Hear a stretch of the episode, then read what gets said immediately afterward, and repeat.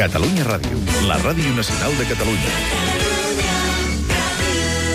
A Catalunya migdia, temps ara per donar un cop d'ull a l'actualitat més pròxima. Preocupació per elevada contaminació a la platja de la Pineda, Vilaseca, causada per l'aparició reiterada de petites boletes de plàstic produïdes per la indústria química.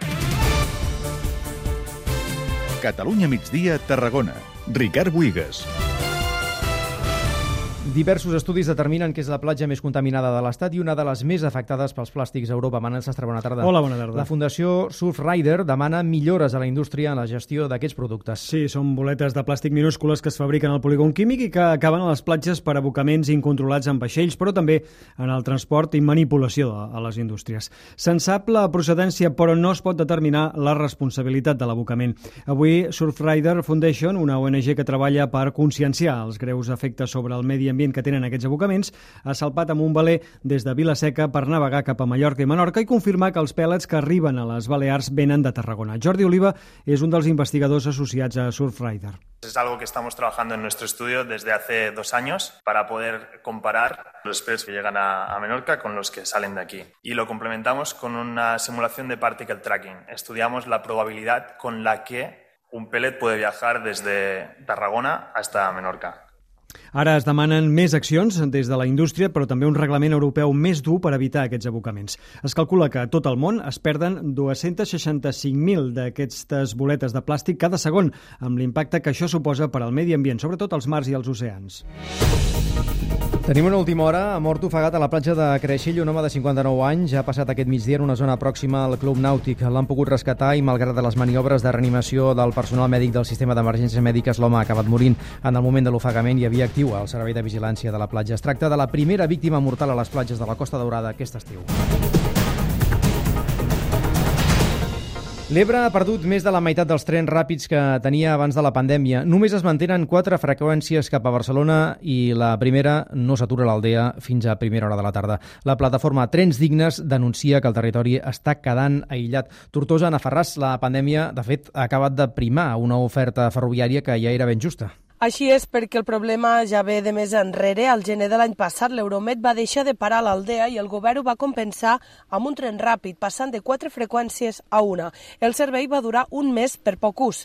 Actualment s'han recuperat pràcticament les freqüències de mitja distància, però no les de llarg recorregut. Cinta Galiana, es portaveu de Trens Dignes. Mos deixa sense poder arribar a l'estora primera a Barcelona i mos deixa també sense connexió a Madrid pel Camp de Tarragona i a Europa, si es vol. És a dir, estem aïllats de cara cap a dalt, però de cara cap a baix ens passa el mateix. Anar des de l'Aldea a Barcelona amb un tren de mitja distància costa prop de 3 hores. El servei ha anat empitjorant amb els anys i la demanda també. Hi ha d'haver demanda si no hi ha una oferta lògica eh, i raonable per les necessitats que tenim. Trens Dignes reclamen al nou govern que redacti un pla director de mobilitat per a l'Ebre. L'enquesta en què s'ha de basar està feta des del 2019.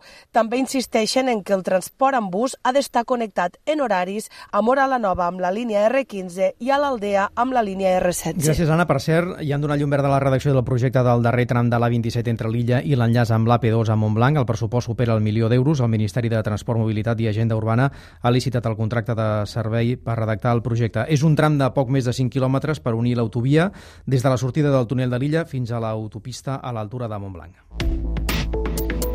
Hauríem de parlar d'un descens de malalts de Covid-19 als hospitals. Uh, continua sent important. Uh, avui també quatre altes més a planta i tres a la SUSI Manel. Ara mateix només queden 36 pacients atesos als centres hospitalaris, dels quals la meitat són a les UCI. Salut ha notificat avui 38 positius al Camp de Tarragona i 5 a l'Ebre. El risc de rebrot es manté al voltant dels 80 punts als dos territoris. Les vacunacions també són elevades, amb més de 7.000 dosis posades ahir. Els vacunats en primera dosi ja superen el 50% dels adults i més del 30% 100% tenen la pauta completa.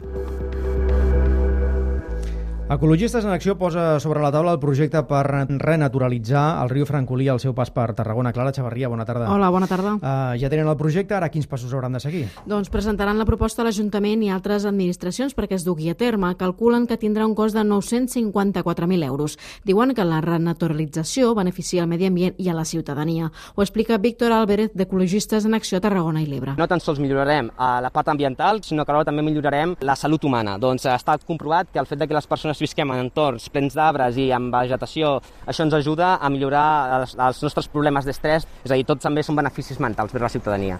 El projecte consisteix, entre altres coses, en retirar plantes que no són pròpies de la zona i revegetar-ho l'espai amb espècies autòctones. I l'Aleixar acull demà la tercera edició dels proscrits. Enguany comptarà amb proscrits com Alberto San Juan. Soy consciente de que vivo en una sociedad que es injusta hasta la crueldad y quiero que cambie.